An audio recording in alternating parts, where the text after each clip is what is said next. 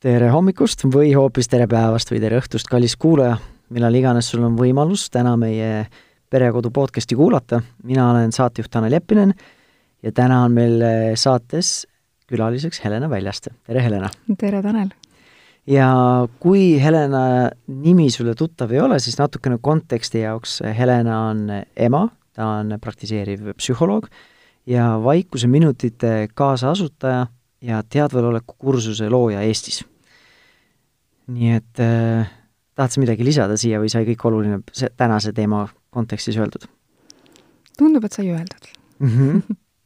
ja äh, Helenat äh, ma ei tea, kas ma nüüd saan öelda, et ma hullult hästi tunnen, aga meil on varem kokku, kokkupuutepunkte olnud, siis esiteks äh, teadveloleku äh, kursusega äh, mina ise tutvusin juba kolm pluss aastat tagasi umbes äh, äkki ongi kevadel nüüd saab kolm aastat Äh, mööda, kui mina ja minu naine läksime teadvaleku baaskursusele koos.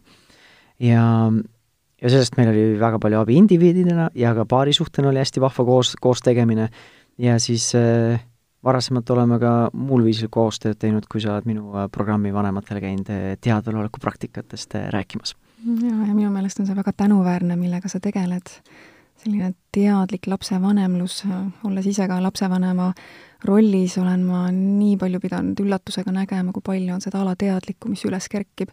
ja kui raske on sellega toime tulla, isegi siis, kui olen õppinud ja praktiseerinud juba aastaid igasugu toredaid asju, et see on üks tõeline tuleproov meile kõigile, kes me oleme lapsevanemad.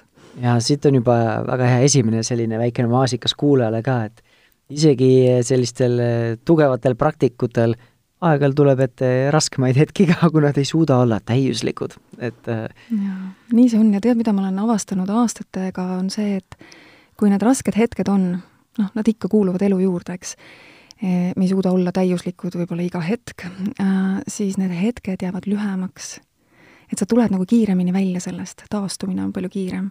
ja järelmõju ei ole nii pikk, et kui võib-olla vanasti, kui ma midagi justkui valesti tegin, siis ma jäin ennast nüpeldama tagantjärgi, et nüüd seda teist osa enam ei ole, et ahah, eksisin, märkan seda, õpin sellest, lähen edasi ja proovin paremini et üksik intsident ei tule sinuga kaasa ülejäänud päeva, järgmisse päeva, nädalasse või kuhu iganes. ja vürtsitama mm -hmm. seda oleviku hetke, jah. aga seda ma olen ise samamoodi kogenud, et mida rohkem ma olen iseendaga tegelenud äh,, en-, juba enne seda baaskursust, aga ka selle järgselt, siis seda rohkem ma olen märganud, et see äh, nii-öelda see aeg, millal äh, ma saan sellest emotsioonisobast kinni, on jäänud järjest lühemaks. et kui esialgu ma hakkasin märkama nii-öelda neid kohtasid, et kus ma saaksin ennast parandada või kus ma oleks saanud ennast pidurdada või mitte emotsiooniga kaasa minna, et esialgu ma märkasin neid alles olukorra järgselt ja võib-olla pidi veel tükk aega aega minema, et ma saaksin nii-öelda maha rahuneda või nii-öelda ära maha jahtuda, ja siis järjest hakkas see aeg nagu lühemaks jääma, kuni ma jõudsin hetkeni, kus selle olukorra järg äh,, olukorra keskel või sees ma sain aru, et hmm, minu praegune käitumine või reaktsioon kindlasti ei aita kaasa sellele olukorrale. ja siis veel läks tükk aega aega, et ma saaksin sellest, äh, ma ei tea, on see ego või midagi muud, ja ma saaksin nagu lahti lasta sellest vajadusest peale jääda, vajadusest võita või vajadusest, mis iganes see vajadus seal on, et nagu järgi anda, et, et see on okei okay.. on okei okay hingata, on okei okay see vimm lahti lasta ja on okei okay lihtsalt eh, proovida muudel viisidel see olukord lahendada. ja nüüd siis edasi kerides olen jõudnud sinna, et mitte alati, aga aeg-ajalt või mõnikord, ma ei oska protsenti panna, siis ma juba taban enne seda olukorda, kui neid kohtasid, mis varasemalt oleks siis automaatselt nii-öelda mingit käitumise või reaktsiooni nagu käima lasknud, et ma juba enne seda taban selle ära.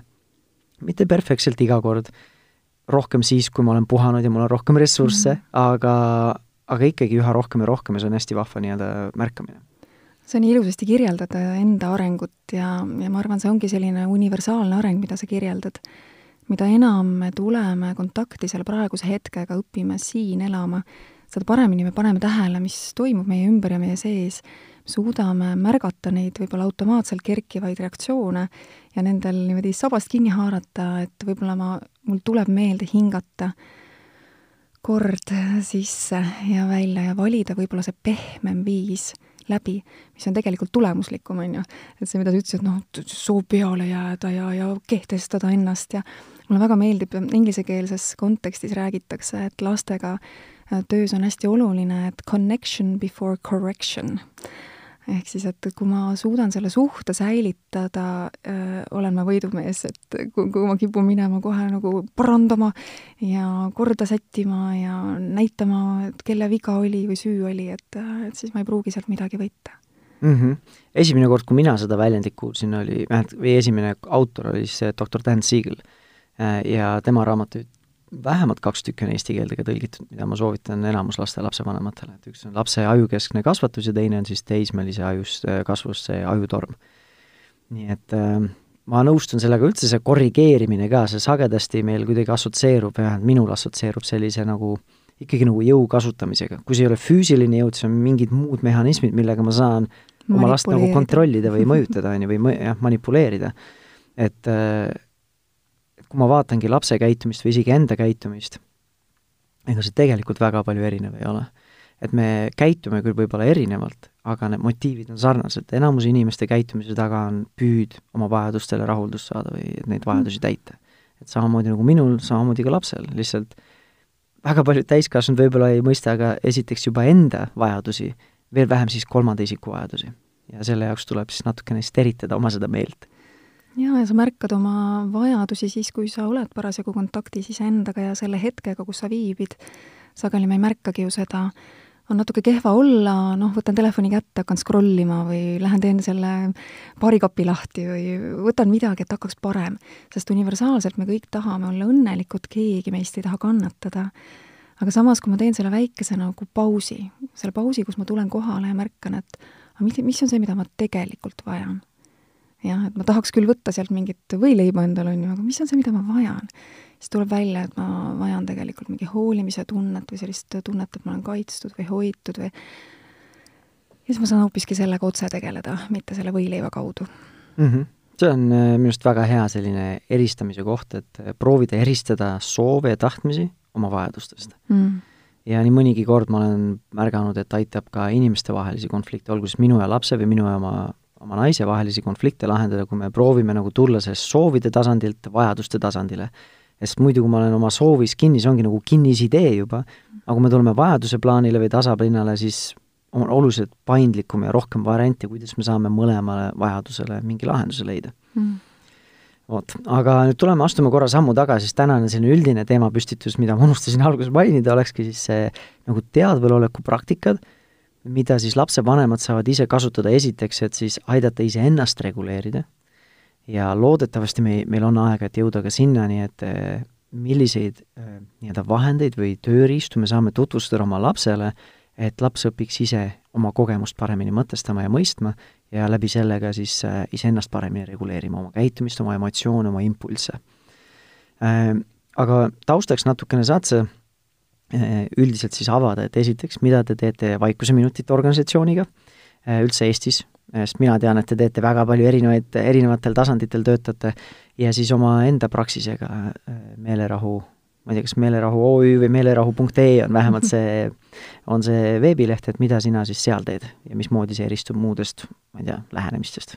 jaa, aitäh no kui me räägime Vaikuseminutitest, siis see on mittetulundusühing, mis sai nüüd viieaastaseks ähm,. alguses me tulime kokku erinevad inimesed erinevatelt erialadelt sooviga teha midagi Eesti laste hüvanguks, me nägime, et äh, noh, paras kriis on, et nii palju on lastel igasuguseid stresshäireid, ähm, on ähm, tähelepanu mm, probleeme ja tulime kokku, siin psühholoogid, psühhiaatrid, õpetajad, sotsiaalpedagoogid ja nii edasi ja kuidagi hakkas meil see asi niimoodi vedama, et äh, saime oma programmi kokku, mis väga palju põhines mindfulnessil ehk siis teadvalolekul. Ja oleme siis tänaseni väga palju õpetanud äh, erinevaid õpetajaid, äh, lasteaiast kuni gümnaasiumiastmeni välja, ka lapsevanemaid ja see õpe ongi selline, et siis, et kuidas olla rohkem kontaktis sellega, mis on siin ja praegu ja kuidas juhtida enda sisemaailma ise.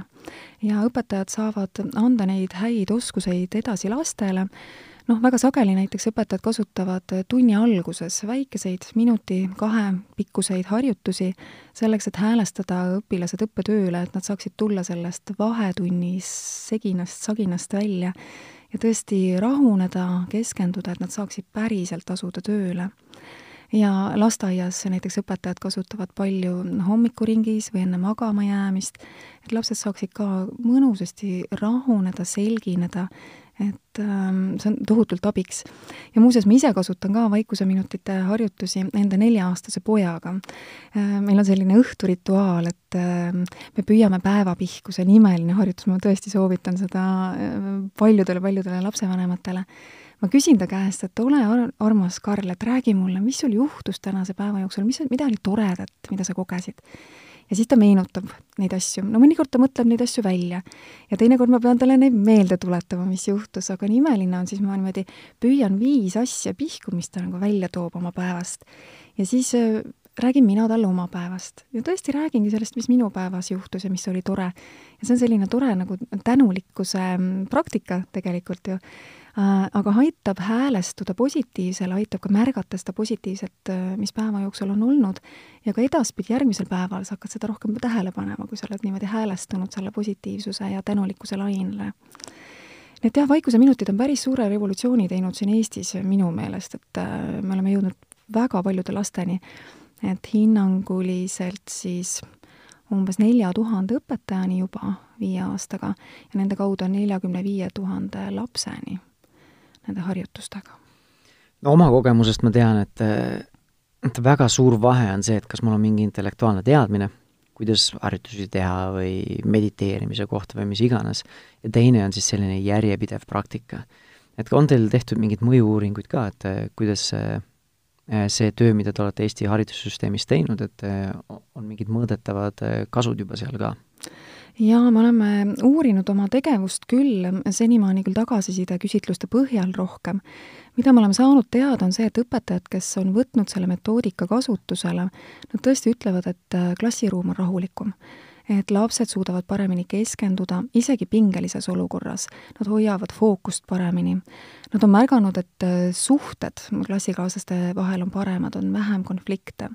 Nad näevad ka seda, et lapsed suudavad paremini juhtida oma emotsioone.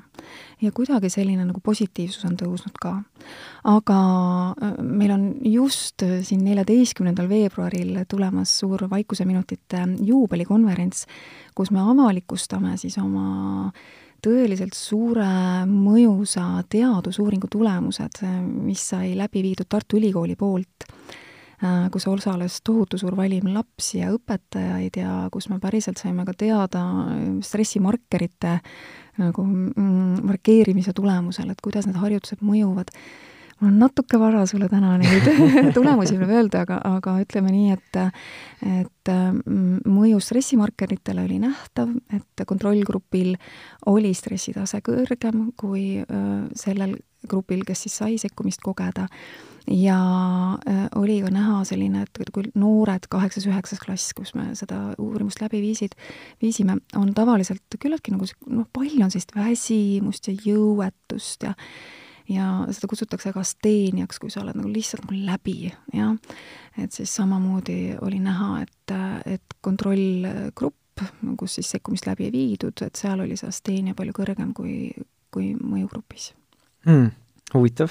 ja selle nii-öelda praktika järjepidevuse kohta just ma küsisin sellepärast, et ma mäletan, kui eelmisel kevadel sa käisid meie vanemusgrupile rääkimas ja rääkisid sellest samast Äh, päeva püüdmise sellest tehnikast või sellest harjutusest või lihtsalt sellest äh, rutiinist või rituaalist, siis ma mäletan, me hakkasime enda tütrega seda ka tegema, kes nüüd äh, talvel sai viieseks, ja siis ta oli neljane ja siis, kui me te-, temaga hakkasime seda tegema, ma ei mäleta, kui palju, kui järjest me jõudsime seda teha, ma tean, et praegu mitu kuud ma ei ole jõudnud seda teha, sest lihtsalt enda elu on nii tormiline olnud, ma olen sagedasti õhtuti töötanud, naine on hoopis lapsi magama pannud, ma olen Eestist ära olnud.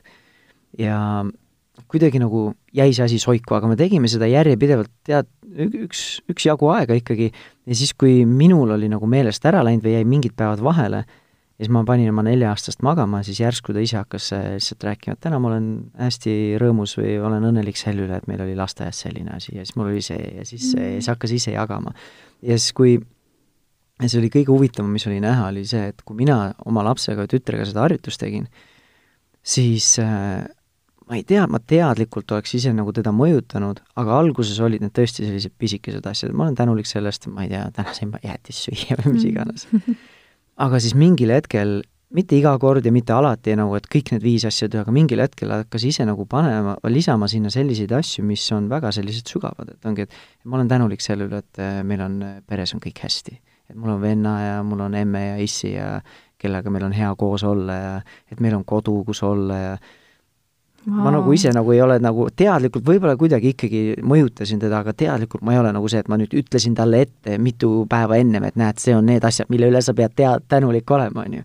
ja see oli nagu endale, kui laps magama jäi, siis me naisega nagu arutasime seda esimene kord, et see on nagu kummas, kummastav, et ma ei oleks nagu arvanud, et laps mõtleb sellistele asjadele või ta tunnetab neid asju või? ja võib-olla ta natuke matkis sind ka, mina olen küll näinud, kuidas minu poiss mind matkib, et mina midagi tänan ja siis ta mõtleb, jaa, jaa, see on väga-väga tore, eks ole. ta püüab ju, noh, ta õpib just sinu tegudest rohkem kui su sõnadest. Ja mõeldes nüüd lapsevanematele, kes meid eeskätt täna ilmselt kuulavad ähm,, meil on ka väga palju lapsevanemaid, kes on tõesti ka meie baaskursuse läbinud ja nad ütlevad, et need miniharjutused, väikesed harjutused, lihtsad harjutused, nagu see tänulikkuse harjutus või helide kuulamine või hingamise jälgimine, keha tunnetamine, et neid on lihtne teha lapsega ja sageli lapsed tahavad ise seda saada. et nad hakkavad, küsima, palun teeme nüüd seda harjutust. minu laps ähm, üllatas mind üks õhtu. me polnud ammu harjutusi teinud ja siis ta küsis mu käest, et emme, et palun teeme ühte vaikuseminutite harjutust, teeme kuulamise harjutust. ma ütlesin, teeme. ja ta ütles, tead, ma juhendan sind. ma ütlesin, no okei okay,, juhenda ja tead, siis ta hakkas mulle ütlema nii, emme, pane silmad kinni. kuula nüüd helisid, mis on sinu ümber. Ja nii edasi ja nii edasi. Ja ma tundsin ära seda, kuidas ta juhendas harjutust iseenda, sest mina olen need harjutused linti lugenud, mida me Vaikuseminutite äpist näiteks kuulda võime, ja, ja noh, see hetk oli üks minu kõige paremaid hetki elus üldse, kus ma tundsin, et kõik see, millega ma tegelen, kuhu ma olen panustanud väga palju oma vabatahtlikku tööd ja aega, on ära tasunud. ehk see töö, mida ma olen Vaikuseminutite hüvanguks teinud, et tõesti, minu laps tuleb praegu, ta pole veel nelja-aastanegi, ta juhendab mind minu enda sõnadega, täpse pausiga. hääletooni. hääletooniga, just, täpselt jaa, et, et tõeliselt mõnus, et lapsed nagu kuidagi mm, võtavad selle kergesti omaks ja, ja neile meeldib see aga Tanel, sa küsisid mu mm, erapraksise kohta ka, et mida ma seal teen. No ma olen, töötan seal psühholoogina, aga millele ma eeskätt baseerun oma töös, on just teadvelolek, siis ka enesesõbralikkus, sest nii paljud inimesed on enda vastu liiga kurjad ja kriitilised. ja ka teadliku muutuse kunstitehnikad, nii et ma kombineerin neid asju mm, nii oskuslikult, kui ma parasjagu oskan ja eeskätt käivad minu juures äh, täiskasvanud, aga käivad ka teismelised. ja mida ma nagu teismelistega töös näen, on see, et kui väga nendel on vaja kedagi, kelle juures käia, et nendel on suhteprobleeme, nendel on nagu noh, selliseid probleeme, et iseendast aru saada, ja kui nendel on see aeg ja koht äh, ja keegi, kes hoolib ja kuulab ja peegeldab ja suunab, nad on võimelised nii imelisi arenguid tegema nii lühikese aja jooksul, et seda on lihtsalt lust vaadata seda on äh, meil siin saates käinud see teema mitu korda läbi, isegi kui me oleme rääkinud äh, tehnoloogiast ja, ja sotsiaalmeediast, et äh, Euroopa noortel ja üldse Eesti noortel samamoodi on kõige rohkem puudust just sellest soojast kontaktist. et olla keegi, et oleks keegi, kellega saab rääkida, kes ei paneks laoks hinnanguid mm., lihtsalt kuulaks, oleks minu jaoks olemas, aktsepteeriks ja lihtsalt võtaks mind äh, arvesse. see on juba raviv, sest tegelikult need vastused enamjaolt on sinu enda sees olemas. sul on vaja nendele lihtsalt ligi pääseda mm. -hmm. ja siit võib-olla selle enesekaastunde teema juurde ka, et äh, me ise peaksime endale samamoodi sedasama, seda, kõike sedasama pakkuma. et seda lihtsalt olema enda jaoks olemas, kuulata, mitte hinnanguid anda mm -hmm. iseendale ja nii edasi. suhtlema endaga kui oma parima sõbrana, sõbraga, on ju. no oleneb, kui head sõbrad sul on ja kuidas sa nendega suhtled, aga jah aga kui me astume korraks veel sammu eemale, et kuidas sa defineeriksid üldse, kui inimene on nagu kuulnud jah, teadvelolek, mindfulness, ma tean kõike seda, mingi meditatsioonid, mingid harjutused, et kuidas sa üldse defineeriksid kellelegi, kes võib-olla, kellel ei ole väga selget ettekujutust, mis asi on siis see mindfulness või siis see teadvelolek mm? -hmm. et mis see on ja mida see siis teises pooles võib-olla, mida siis üldse pakub? teadvel olek ongi kunst olla siin ja praegu kohal. Ja see on teatud mm, selline viis, kuidas sa suunad oma tähelepanu. et sa suunad oma tähelepanu just praegu, sa suunad seda tahtlikult ja sa teed seda hinnangute vabalt. ehk siis see, mida sa märkad, sa praktiseerid pidevalt seda, et sa oled hinnangute vaba selle osas. mis ei ole üldse tegelikult lihtne teha. ma tean paljud inimesed, kes tulevad kursusele, nad mõtlevad, ah, ma juba kõike teen ja oskan ja samas mina olen kümme aastat seda praktiseerinud, ma näen, et see on üks raskemaid asju elus, siin ja praegu kohal püsida. et see automatism on nii suur, mis viib sind sellest hetkest eemale, see jõud on tohutu meie sees ja, ja see jõupingutus, et püsida sellega, mis on, ükskõik kui meeldiv või ebameeldiv, see on, see on ikkagi paras pingutus ja õppimine ja harjumine. Ja mida ma enda praktikast näen, ongi see, et, et see harjumine tugevneb pidevalt ja, ja see saab rohkem nagu minu päris osaks ollagi kohal. ja ma näen seda inimeste pealt, kes käivad kursustel ja samamoodi nagu teadvalolek, noh, ma tooks paralleeli, et ütleme, sa võid lugeda ju raamatuid sellest, kuidas sõita jalgrattaga, aga kui sa kunagi jalgratta otsa ei istu, siis sa tegelikult ei tea, mida tähendab jalgrattaga sõitmine. et sama on ka see teadvalolek, et seda on raske nagu sõnadega edasi anda sa saad anda nagu vihjeid, näidata näpuga, aga see kogemus on see, mis äh, annab sulle vastuse mm. -hmm. Ma küsin siis, et kuidas see kogemus peaks siis tunduma või kuidas ma kogen seda kohalolekut? kuna ma saan aru, et ma nüüd olen siis siin kohal, on üldse sellist, äh, saab kuidagi seda defineerida või ei saa? no proovime kohe. jaa, ole hea, lihtsalt pane hetkel tähele, mida sa märkad enda ümber just siin ja praegu, mida sa näed, mida sa kuuled. ja sa võid panna ka tähele, kuidas su keha ennast praegu tunneb. võib-olla jalatallad puutuvad vastu põrandat või maapinda. võib-olla märkad oma hingamist. võib-olla märkad ka seda, et sa tunned ennast kuidagi.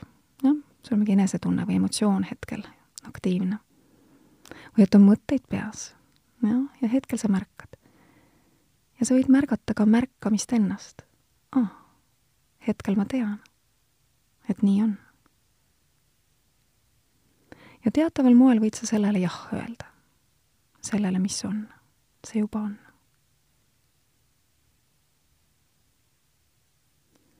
ja võid jätkata niimoodi mm. -hmm.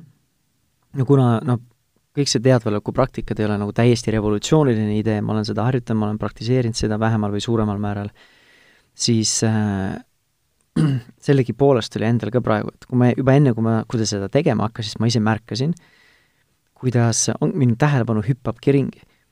et äh, küll ma mõtlesin seda, et äh, et kuhu me täna veel oma vestlusega jõudma peaksime, kas äh, kas ma jõuan õigel ajal järgmisse kohta, järgmise kokku, kokkusaamiseni, siis mu telefon läks põlema, õnneks oli hääletu, lihtsalt nägin, et läks põlema, et huvitav, mis seal toimub mm -hmm. ja nii edasi, ja kui sa seda harjutust tegid, siis kuigi need, minu mõte käis ringi, ma märkasin, et ma, mõte käis ringi võib-olla pa-, paremini ja rohkem, ma pöörasin sellele tähelepanu, siis mingi selline, mina ise kogesin vähemalt seda, mingi selline nagu rahulolu või rahuloleku nagu hetk tuli, et et ma aktsepteerin, ma teadvustan seda, mis on, ja ma aktsepteerin seda, mis on, et ei ole see, et nüüd telefon läks saama, ma tegelikult pean hoopis Helenale keskenduma mm. -hmm. järgmine mõte, mis ma sellest järgmisest mõttest räägin, vaatame, mis kuulan hoopis, mis Helena praegu räägib.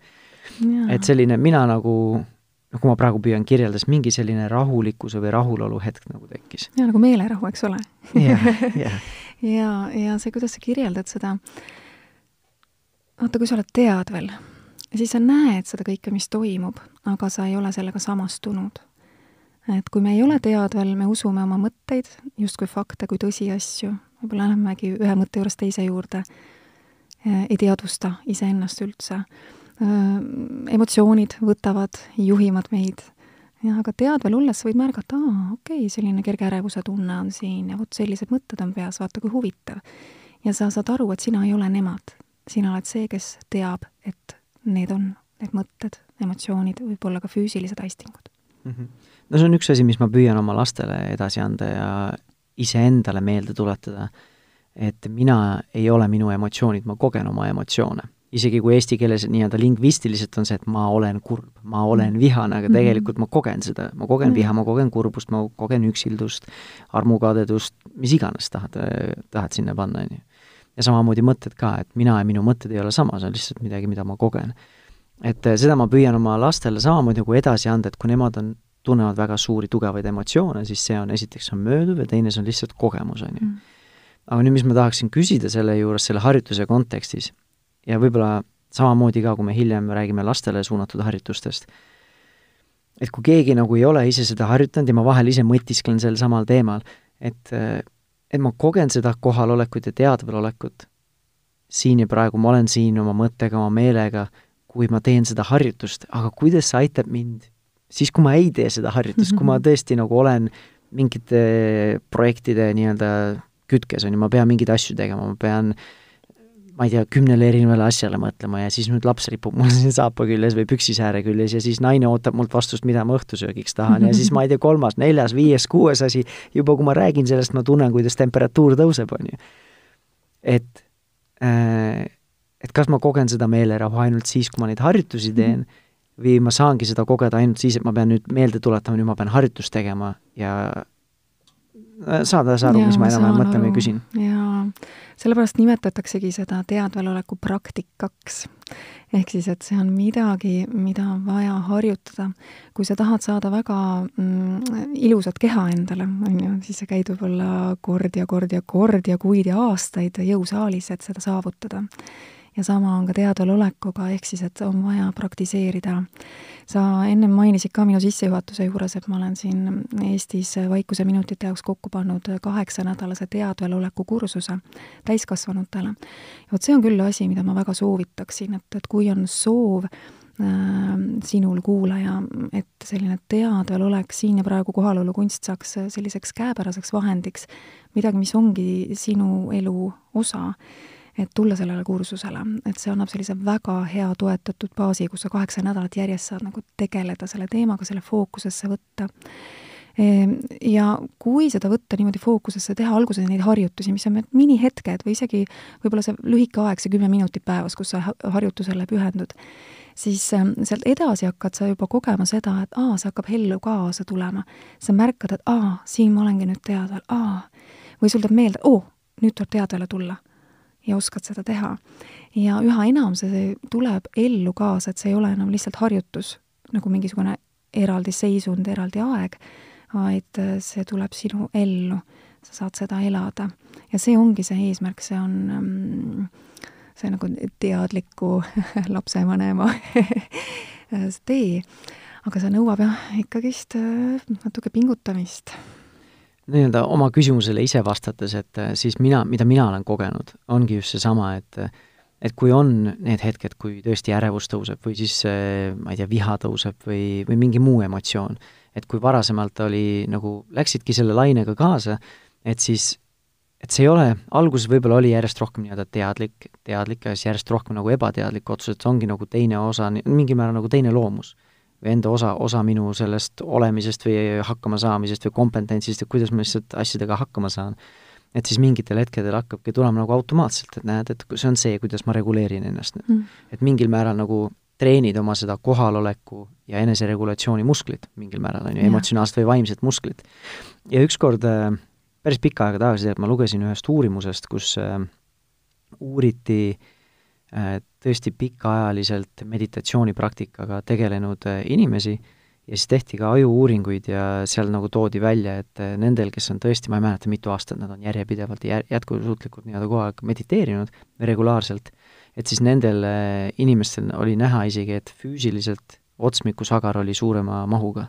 Ja otsmikusagar siis muuhulgas äh, reguleerib aitab inimesel reguleerida oma impulsse, käitumist, emotsioone, aitab otsuseid teha ja nii edasi et sul ongi nagu füüsiliselt aju on juba ka võimekam nende ülesannetega toime tulla, tulema, kui sa oled seda nii-öelda seda jutumärkides seda musklit siis treeninud. jaa, see on jah imeline, et seda suudetakse täna niimoodi näidata lausa.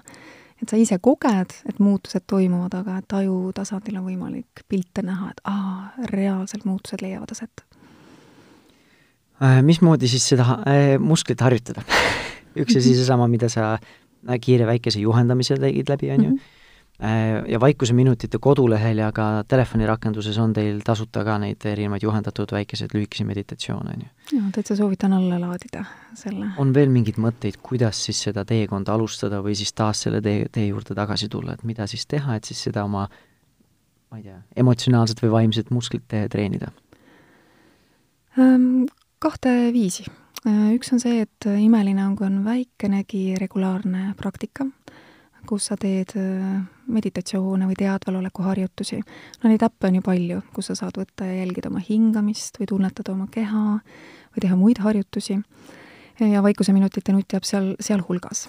Ja teine asi on siis see, et ähm, võtta ja teha harjutust äh, päevas niimoodi, et see ei võtagi sul eraldi aega. no näiteks, kui sa viibid kuskil, võib-olla kõnnid kuskil ringi, võid sa tähelepanu pöörata erinevatele helidele enda ümber ja teha kuulamisharjutust, nii et sa hoiad oma tähelepanu paigal helide kuulamise juures. sa võid praegugi seda teha, märgata erinevaid helisid ja saad teada, et vau, jaa, ongi, vaata, enne ei märganudki, eks ole. E, järgmine, mida sa saad teha, et kui sa kuhugile liigud, kas või on su, su office'is ühest ruumist teise minek, sa võid kasutada seda, et harjutust teha. ja sa võid näiteks ankurdada oma tähelepanu oma jalataldadesse. Nii et sa tunnetad seda, kuidas sa tõstad jala, hoiad seda õhus, paned selle maha tagasi ja tunnetad niimoodi jalataldade kokkupuudet siis, kui sa astud. jah, ja kui sa avad näiteks ukse, võid sa panna tähele seda, et aa, kuidas ma teen seda, kuidas ma vajutan sellele lingile. milline see link käe all tundub, on see külm, jah, karge, on see soe äh, hingamine läbi päeva, kui sulle meenub märgata oma hingamist, võib-olla praegugi märkad seda ja hingad teadlikult sisse ja välja. maitsed ähm,, lõhnad, kõik, kõik see, mida me meeltega tajume. ehk siis kuna me oleme täna nii palju peaga tööd tegevad inimesed, jah, pidevalt arvuti taga ja suhtleme ja mõtleme ja kombineerime, siis me oleme kaotanud justkui kontakti oma selle hingava, tunnetava kehaga. ja ainukene instrument sinu juures, mis on suuteline rändama ajas, ongi sinu enda mõistus. ja kui sa tuled oma keha juurde, siia hingamise juurde, oma viie meele juurde, siis sa oledki juba rohkem siin ja praegu kohal ja näiteks, kui sa võtad oma esimese kohvisõõmu, jah, siis sa võid seda tõesti nautida, sa võid tunda selle lõhna ja selle maitset. ja kui sa vaatad oma lõunat, võid sa tõesti vaadata, vau, kuidas see serveeritud on. kuidas see mulle maitseb, et sa teed kas või selle esimese ampsu või lonksu teadlikult, süvenenult. ja see võib olla niivõrd kosutava mõjuga, need mõned hetked, kus sa päriselt oled meeleliselt kohal ja märkad seda, mida sa teed siin ja praegu. ehk siis sageli me olemegi, justkui füüsiline keha on ühes kohas, aga tegelikult tähelepanuga viibime hoopis mingite muude asjade juures, on ju. täitsa killustunud olekus oleme sageli mm. -hmm. võib-olla ma ise funktsioneerin või opereerin väga nii-öelda pearuumis enamasti et minul on, kui sa seda kirjeldasid, siis ma nagu mõistan seda mm., aga mul vahepeal nagu tundub, et nagu see on, ongi nagu kuskil peapilvedes lihtsalt oled ja koged ja ma ei tea, voolad ja oled, on ju. aga mis mind on aidanud just nende samade praktikate nii-öelda harjutamisega, tegelikult mitte ainult nendega, ükskõik millise harjumuse juurutamisega, on äh, siduda mingi soov, näiteks seesama, et tulla korraks enda kehasse või lihtsalt mm kogeda, mida ma füüsiliselt tunnen või siis lihtsalt võtta see pool minutit või minut, et kogeda, mida ma emotsionaalselt tunnen ja kas ma tu-, füüsiliselt tunnen seda emotsiooni kuskil enda keha sees ja nii edasi, et lihtsalt tulla korraks kohale enda juurde. et siis ma olen proovinud, mis mina, minu jaoks on hästi töötanud, et ma olen need nagu praktikad või meeldetuletused sidunud mingi väga konkreetse välise sisendiga.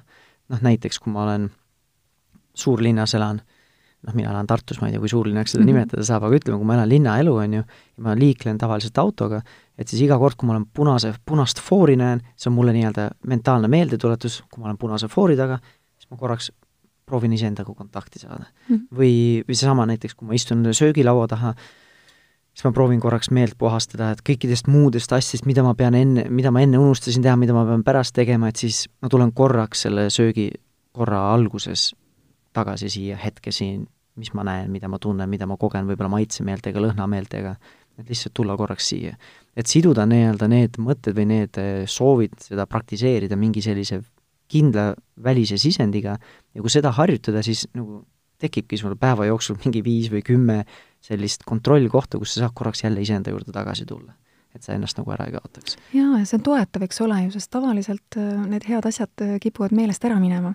aga kui sul on see seos, et ahaa, punane foori tuli, tuli, hingan teadlikult sisse-välja, eks ole, või on mingi järjekord, kus ma pean seisma, eks ole ju, tunnetan jalataldu, tunnetan hingamist, soovin endale ja teistele head, kes on mu ümber. et on väga hea siduda ära. ja sa ütlesid, et no ma korraks tulen kontakti ja siis, kui sa oled juba korraks kontaktis, siis sa võid ju natuke pikendada seda aega ka, on ju ei, kindlasti, et eh, juba nagu pärast täna sellest väikest juhendatud harjutust, et tavaliselt pärast seda ongi meel natukene puhtam, et sul ei ole seal nagu sada asja, vaid siis võib-olla vähehaaval hakkab siia uuesti lisanduma, aga korraks said sellise nagu puhta lehe võtta. no mina lapsevanemana ma sageli ärkan kell kuus hommikul, et eh, teha siis oma praktikaid, mis tavaliselt võtavad mul umbes tund aega aega ja kui ma olen need ära teinud, siis olen mina oma päeva alustanud. ja siis on imeline, noh, teha mida iganes ja oodata, millal lapsed ärkavad või minna neid üles ajama. aga kui seda võimalust meil ei ole, et lapsed näiteks ärkavad äh, enne mind, ma olen nii sageli näinud, kuidas mul on see süütenöör palju lühem. ma ei ole veel nagu endaga kontakti loonud selle oleviku hetkega, ma ei ole nagu jõudnud veel häälestada ennast et äh, ma, ma ei, tõesti, kui ma täna mõtlen enda peale ja mõtlen, mul ei oleks neid praktikaid, et ma oleks hoopis teistsugune lapsevanem. kindlasti mitte nii rahulik, mitte nii kannatlik, mitte nii selline hooliv äh, ja hoolivust väljendav mm. -hmm. ehk siis nendele skeptilistele kuulajatele, kes mõtlevad, ma ei tea, kas mingi päevas mingi viis minutit siin, viis minutit seal, kas see tõesti teeb minust mingi rahulikuma või empaatilisema lapsevanema, et siis ega muud moodi vist ei saagi teada, kui see järjepidevalt harjutada ja, ja. vaadata, aga ilm, ma ei tea, kuidas, ma ei tea, kuidas sina seda kommenteerid, aga mina nagu ütleks küll, et see nagu sellest vist ei piisa, et kui ma nüüd viis päeva järjest teen ja nüüd ootan, et ma oleksin nagu nipsust nii-öelda ümber pööratud, nagu hoopis teistsugune, hoopis kannatlikum, hoopis rohkema empaatiavõimega ja nii edasi jaa, mõistus tahab seda, on ju, kohe tahaks tulemusi. tahaks kohe, jah. jaa, see on natuke pikema vinnaga, aga mis on nende teadvuloleku harjutuste juures äh, nagu positiivne, ongi see, et sa teed selle harjutuse ära või võtad selle hetke, et tulla kohale, sa juba märkad, et muutus on toimunud, sul on juba kergem parem olla. ja samm-sammu haaval, mida rohkem sa neid hetki enda elus võtad, seda rohkem sa näed tulemust, et vau wow,, et see on sulle loomulikum olemise viis kohene tulemus ja pikaajaline tulemus. sest mina, ma olen ilmselt oluliselt rohkem algusotsas selles teadveloleku teekonnas kui sina, sest äh, sul on olnud rohkem aega, võimalusi ilmselt panustada rohkem mentaalseid ressursse sellele tegemise, sellele osale enda elust. no mina vähemalt olen kogenud, et see efekt nagu ikkagi kipub vaibuma, et ma tulen siia praegu, kogen seda, teen seda viis minutit või teen seda pool tundi. aga siis see tänapäeva pä-, igapäevaelu sellised nagu nõudmised, ikkagi nagu hakkavad nagu järjest nagu segama või tulema uuesti siia sisse, et see mingi, minul nagu see efekt nagu kipub ikkagi nagu mm, -hmm. nagu ära vajuma. ja siis, äh, aga samas nagu mingi selline võimekus endaga paremini hakkama saama nagu jääb taustale ikkagi mm. -hmm. aga üldiselt nagu võib-olla see kõige suurem efekt nagu läheb ära, et samamoodi nagu see äh, müügi- ja motivatsiooniguru Zig Ziglar ütles, et äh, motivatsioon on nagu duši all käimine, et ta soovitab seda igapäevaselt teha või järje, nagu jätkusuutlikult ja järjepidevalt kogu aeg, et siis see tundub sama, et see peab kogu aeg uuendama seda efekti ja,. jaa, jaa, olen nõus. okei okay,, mõtlesin, et äkki sul on mingi salanipp, aga mingi salakood nagu arvutimängus, et ma saan, ma ei tea, lihtsamini, paremini, kiiremini. seda meeles pidada, nagu tähtsaks enda jaoks pidada et võib-olla enda jaoks läbi mõtestada, miks ma seda üldse teen, miks see mulle tähtis on. kui sa oled selle läbi mõtestanud, äh, noh, minu jaoks ongi, ma lihtsalt elan elusamat elu, ma tunnen, et ma mm, suudan niimoodi palju efektiivsem olla, palju rohkem panustada, ma näen kindlasti, et ma olen palju parem oma töös ja ka lapsevanema ja ka elukaaslase rollis. et, et see on mulle väga suur motivaator selle kõigega tegeleda ja kõige olulisem on saada see rutiin sisse, et see on sul meeles kogu aeg taastada, taastada, taastada, et tulla pidevalt uuesti teadvale ja teadvale, teadvale, tulla automaatpiloodilt välja mm. -hmm. no võtame nüüd selle teise teema ette, et kuidas me saame õpetada oma lapsele iseendaga paremini toime tulema. et kuidas nagu sealt alustada või kuidas see teadvel oleks sellise eesmärgiga meid siis aidata võiks no laste juures me näeme ju selgelt, kuidas neil oleks seda hirmsasti vaja ma arvan, kõige parem asi on see, kui sa ise seda teed, siis sa oled äh, elav eeskuju. aga samas äh, sa saad ka lapsega õppida ja koos seda teed käia. noh, mida mina olen avastanud, mida lapsed väga vajavad, nendel on emotsioonid ju niimoodi, et nad tulevad ja lähevad ja need on korraga, korraga nagu nii taevas üleval, on ju, ja ja nendel on nii raske nendega toime tulla, et kas või see pisiasi, kui sa suudad jääda rahulikuks ise selle kõige juures, selle möllu juures, rahulikuks ja hoolivaks ja kas või tulla tema tasandile ja nimetada tema tunne, oo, sa oled praegu väga kurb või, või sa oled vihane või sa oled pettunud. ja, ja ta saab nagu ise näha, et ah, jaa, olen jah. ja ta õpib need sõnad selgeks, ta õpib nagu ka iseennast nägema Äh, minu laps juba nii ilusasti oskab nimetada oma emotsiooni, emme, ma olen praegu nii pettunud, jah. ja, ja, ja siis me uurime, et kus kohas see tunne tema kehas on oh,. see on sul rinnus praegu mm,, okei okay.. et laps Hingame õpetab seda koos. oma kogemust ja siis seda sõna nii-öelda kokku viima, et jah, et see on see, kuidas ma seda kogemust kirjeldan, siis ma oskan selle järgmine kord samamoodi ära tunda, on ju, ja kommunikeerida Just, seda. just, ja aju tasandil on siis see, et ähm, kui sa nimetad oma emotsiooni, ka täiskasvanud inimene, kui sa nimetad, aa, mida ma praegu kogen? Hmm,, jaa, kerge õnnetunne on siin näiteks, jah, et siis äh, sa aktiveerid sellega oma prefrontaalse sagara, jah, seesama, millest sa rääkisid, mis muutub tugevamaks, kui sa, kui on äh, inimesed palju mediteerinud ja see toimib sellise tasakaalustava jõuna siis limbilisele süsteemile, kust äh, need tugevad emotsioonid niimoodi alguse saavad, jah. ma olen ise nagu mõelnud sellele, sest inglise keeles on, ongi see ütlemine, et ongi name it to tame it, ehk siis mm -hmm. emotsiooni taltsutamiseks oleks vaja talle nimetus anda või nimi anda. ja siis ma olen nagu mõelnud, et kumba pidi see on, et oli, on see, kumb oli enne muna või kana, on ju, et kas tegelikult äh, on see, et ma nüüd annan talle nime, see aitab nii-öelda natuke lahtuda sellel emotsioonil või aid-, hakkab nii-öelda lahenema see olukord või see emotsioon, või siis lihtsalt see, et ma tõesti tulen ja olen siinsamas kohal ja ma jälgin, olen siin nagu mm., olen, istun oma emotsioonis, on ju. ja kui proovin aru saada, mida ma kogen, et kas see nimetamine ise on mingi sellise võlutrikiga või pigem just seesama, see kohalolek, et ma olen siin, proovin hinnangute vaba olla iseendaga, annan endale aega, ruumi, kui vaja, siis seda empaatiat, on ju. et jaa, see nimetamine võib-olla ei olegi see kõige-kõige olulisem asi, see, mis töötab, on see, et sa saad uue perspektiivi. kui sa oled emotsioonis sees, siis oledki vihane. aga kui sa tuled kergele distantsile sellest, justkui metatasandile, jah, ja nimetamine aitab tuul, tulla metatasandile, et siis sa saad aru, et aa, see on lihtsalt üks kogemus, see ei ole sina. ja vot see on see, mis aitab sul lahti ennast haakida selle emotsiooni küüsist mm. -hmm. ja mul on hästi, hästi hea meel, et sa alustasid tegelikult sellest, kui me rääkisime, et kuidas lapsel aidata ennast paremini reguleerida. et siis me ei alustanud sellest, et tehke nüüd koos hingamisharjutust iga päev kümme minutit ja siis laps hakkab ennast paremini reguleerima, aga just sellest, et eh, laps näeb ja kogeb, kuidas täiskasvanud inimene tema kõrval saab oma emotsioonidega hakkama. Hmm.. sest nii mõnigi kord vahepeal ka peeglisse vaadates olen pidanud tunnistama, et ma ootan lapselt täiskasvanulikku käitumist, kui ma ise käitun nagu väike laps. Mm.. et viskan iseendalt selle kaane pealt ära iga väiksema sädeme pealt, peale ja aga ootan, et laps suudaks ennast hästi reguleerida, et ongi, et no kus ta ikka õpib nagu no.. muidugi, ja sa ootad sellepärast, et kui temal on raske emotsioon peal, siis sina ju nakatud sellest, on ju, ja siis sul mhm. on paha olla, siis sa tahad, et tema oleks teistsugune. no meil kodus näiteks on niimoodi, et minu mees, tal on sageli vaja minna eralduda oma tuppa korraks, ta on seal niimoodi minut, kaks kuni viis ära ja tuleb tagasi ja ta on jälle rahunenud ja tore ja armas meesterahvas ja tore isa. ja nii tore oli vaadata, kuidas äh, mul poiss võttis selle üle ja lähebki läheb oma tuppa, paneb ukse kinni, on seal natuke toimetab, tuleb välja, täitsa tavaline tore poiss jälle, enne seda oli näha, et tal oli väga raske enda sees olla. ta matkib, jah. ja mida ma olen veel aidanud teha, on see, et kui on mingi selline keeruline hetk lapsel, et ma olen tulnud jälle tema tasandile, jah, tulnud niimoodi, et me näeme, no vaatame nagu silmast silma ja ma olen tõesti proovinud hellaks jääda temaga koos olles ja näidanud talle, et hingame. hingame koos.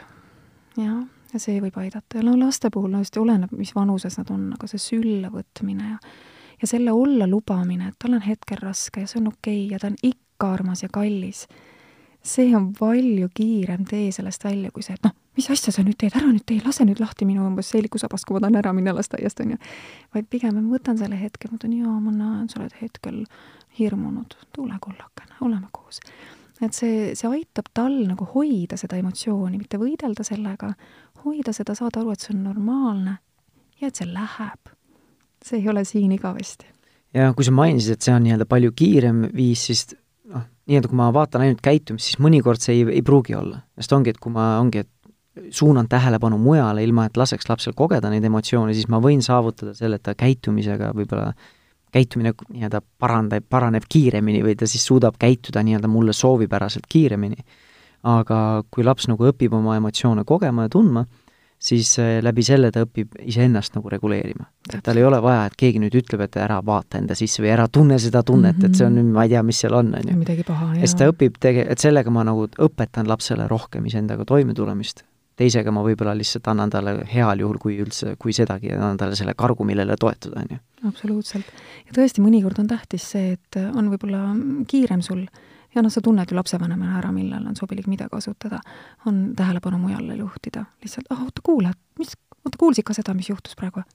ah, ma kuulsin mingit linnukest laulmas ah,. juba on tal tähelepanu minema, minema läinud, on ju, selle paha tunde juurest, et tuleb olla niimoodi natuke mänguline ja kaval mm. -hmm nõus, aga millised on need harjutused, mida siis eh, lapsele tutvustada, mis aitaksid natuke tal endal õppida, tulema nii-öelda siia kohale ja siis võib-olla nagu leidma mingi selline rahulik nagu ma ei tea, ankur äh, kõige selle emotsioonitormi keskel, mis ta võib kogeda, on ju noh, hiljem, et loomulikult ma ei hakka õpetama neid harjutusi siis, kui nagu torm on nagu täies vinnas, on ju, mhm. või täiesti käimas, aga et neid võiks nagu vähemalt nii palju, kui minu varasemalt kogemus olnud, et neid õpetada võiks rahu ajal, et siis ta oskaks loodetavasti järjepidevalt, kui ma kasutan neid, siis tõuseb see tõenäoliselt siis ka selle tormi ajal, suudab siis haarata selle päästerõnga järgi, on ju jaa, hea et... oleks jah, rahu ajal harjutada. Äh, mul meenus üks lugu ühest naisterahvast, kes tegi oma lapsega õhtuti hingamise jälgimise harjutust ka Vaikuseminutite nutiäppi järgi ja oli suvi ja laps tohutult kartis igasuguseid mesilasi ja herilasi ja nad elavad maal ja korraga ta kuuleb, et laps karjub kuskilt teisest aiaosast, herilane, täitsa endast väljas. ja ema ainult niimoodi hüüdis talle hinga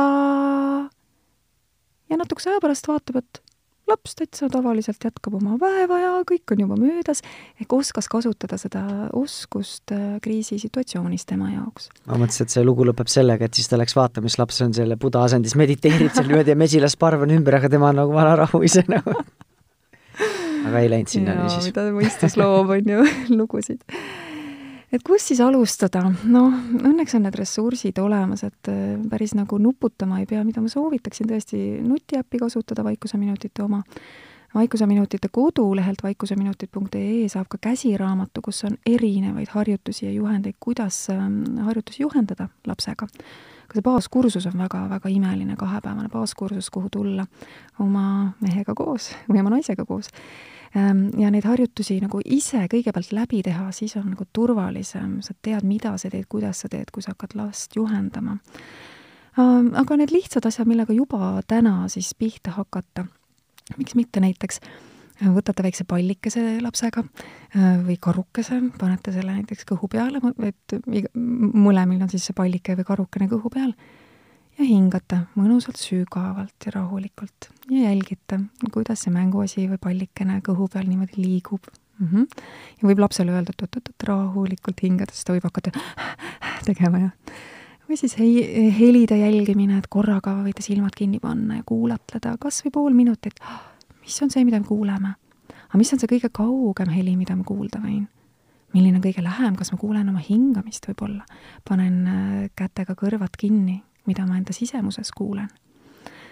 ka keha tunnetamine, jah, et aa, et tunnetad oma jalataldu võib-olla põrandal, istmikutoolil, käsi, sõrmede tundlikkust, nina otsa, niimoodi väikese nagu ringkäigu võib teha oma kehas koos lapsega. nii et sina nagu juhendad võib-olla ja, ja mõlemad kogete, tunnetate oma keha. et midagi sellist. ja muidugi seesama päeva pihku püüdmine, minu arust imeline harjutus mm. -hmm. üks asi, mis mulle endale meeldib nii-öelda minule kui Tanelile, aga samamoodi ka täiskasvanu, nii-öelda lapsevanemana, on see, et mina näiteks olen äh, võrdlemisi tundlik auditoorse sisendi suhtes äh, ja suurte rahvasumma, summade suhtes, et kui ma olen näiteks suurel konverentsil, ma nüüd äh, möödunud suvi olin näiteks konverentsil, kus oli üle tuhande inimese, mega palju müra ja hästi palju sigimist-sagimist ja siis ma ise tundsingi kohe, kuidas ma nagu kuumenen üle sensoorselt. Ja siis äh, sellised nagu harjutused, kui ma keskendun nii-öelda ainult ühele meelele, et siis see natukene aitab nagu lähtestada sellist sensoorset ülekuumenemist.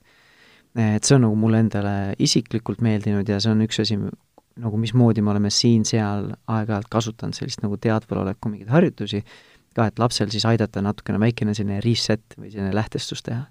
et olgu, kui ta ma ei tea, tuleme mängumaalt ja ta on üle stimuleeritud, et siis kas autosõidu ajal või enne seda või siis enne, kui koju jõuame või kohe, kui koju jõuame, siis proovime mingi sellise harjutuse teha, et siis aidata natukene nagu lähtestada seda, et nagu et seda ülekuumenemist nii-öelda nagu, nagu seda adresseerida või seda jah, nagu maha natukene keerata mm. -hmm. Jaa, ja siin võib ka aidata just ülekuumenemise situatsioonis see nimetamine, mis on siin praegu, jah, mida ma tunnen oma kehas milliseid mõtteid ma märkan oma peas, milline on see emotsioon siin, jah.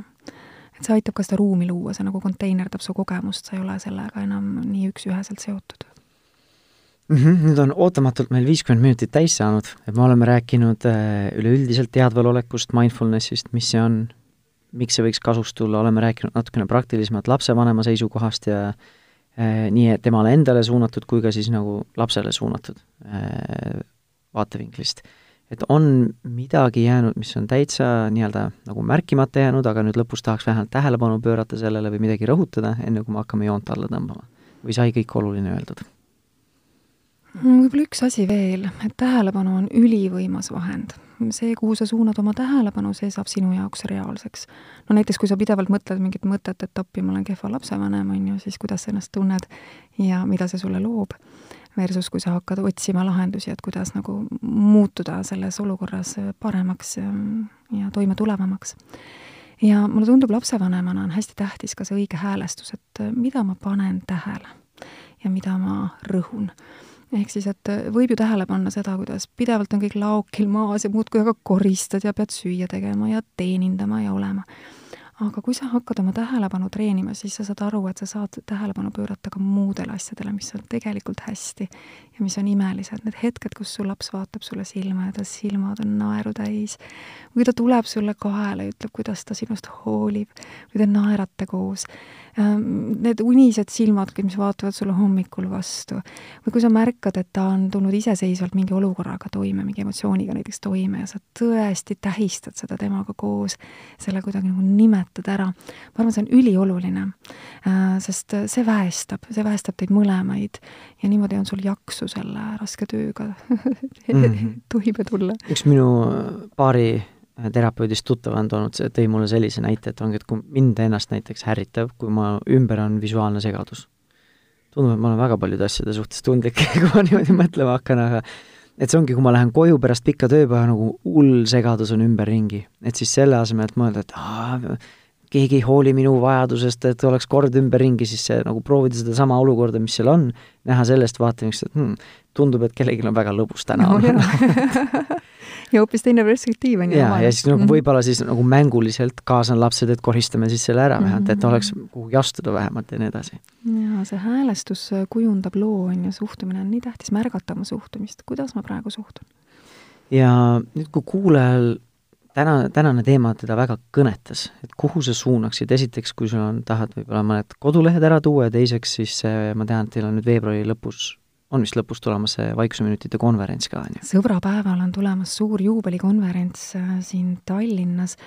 ole hea, vaata konverents punkt vaikuseminutid.ee, et seal on siis oodatud kõik lastega seotud osapooled ja meil on seal imelisi külalisi ka välismaalt ja Eestist ja kogemuskojad ja Äh, tõesti tuleb vinge konverents, Doris Kareva tuleb seda oma luulega veel äh, niimoodi sütitama ja Andrus Vaarik äh, juhib seda päeva.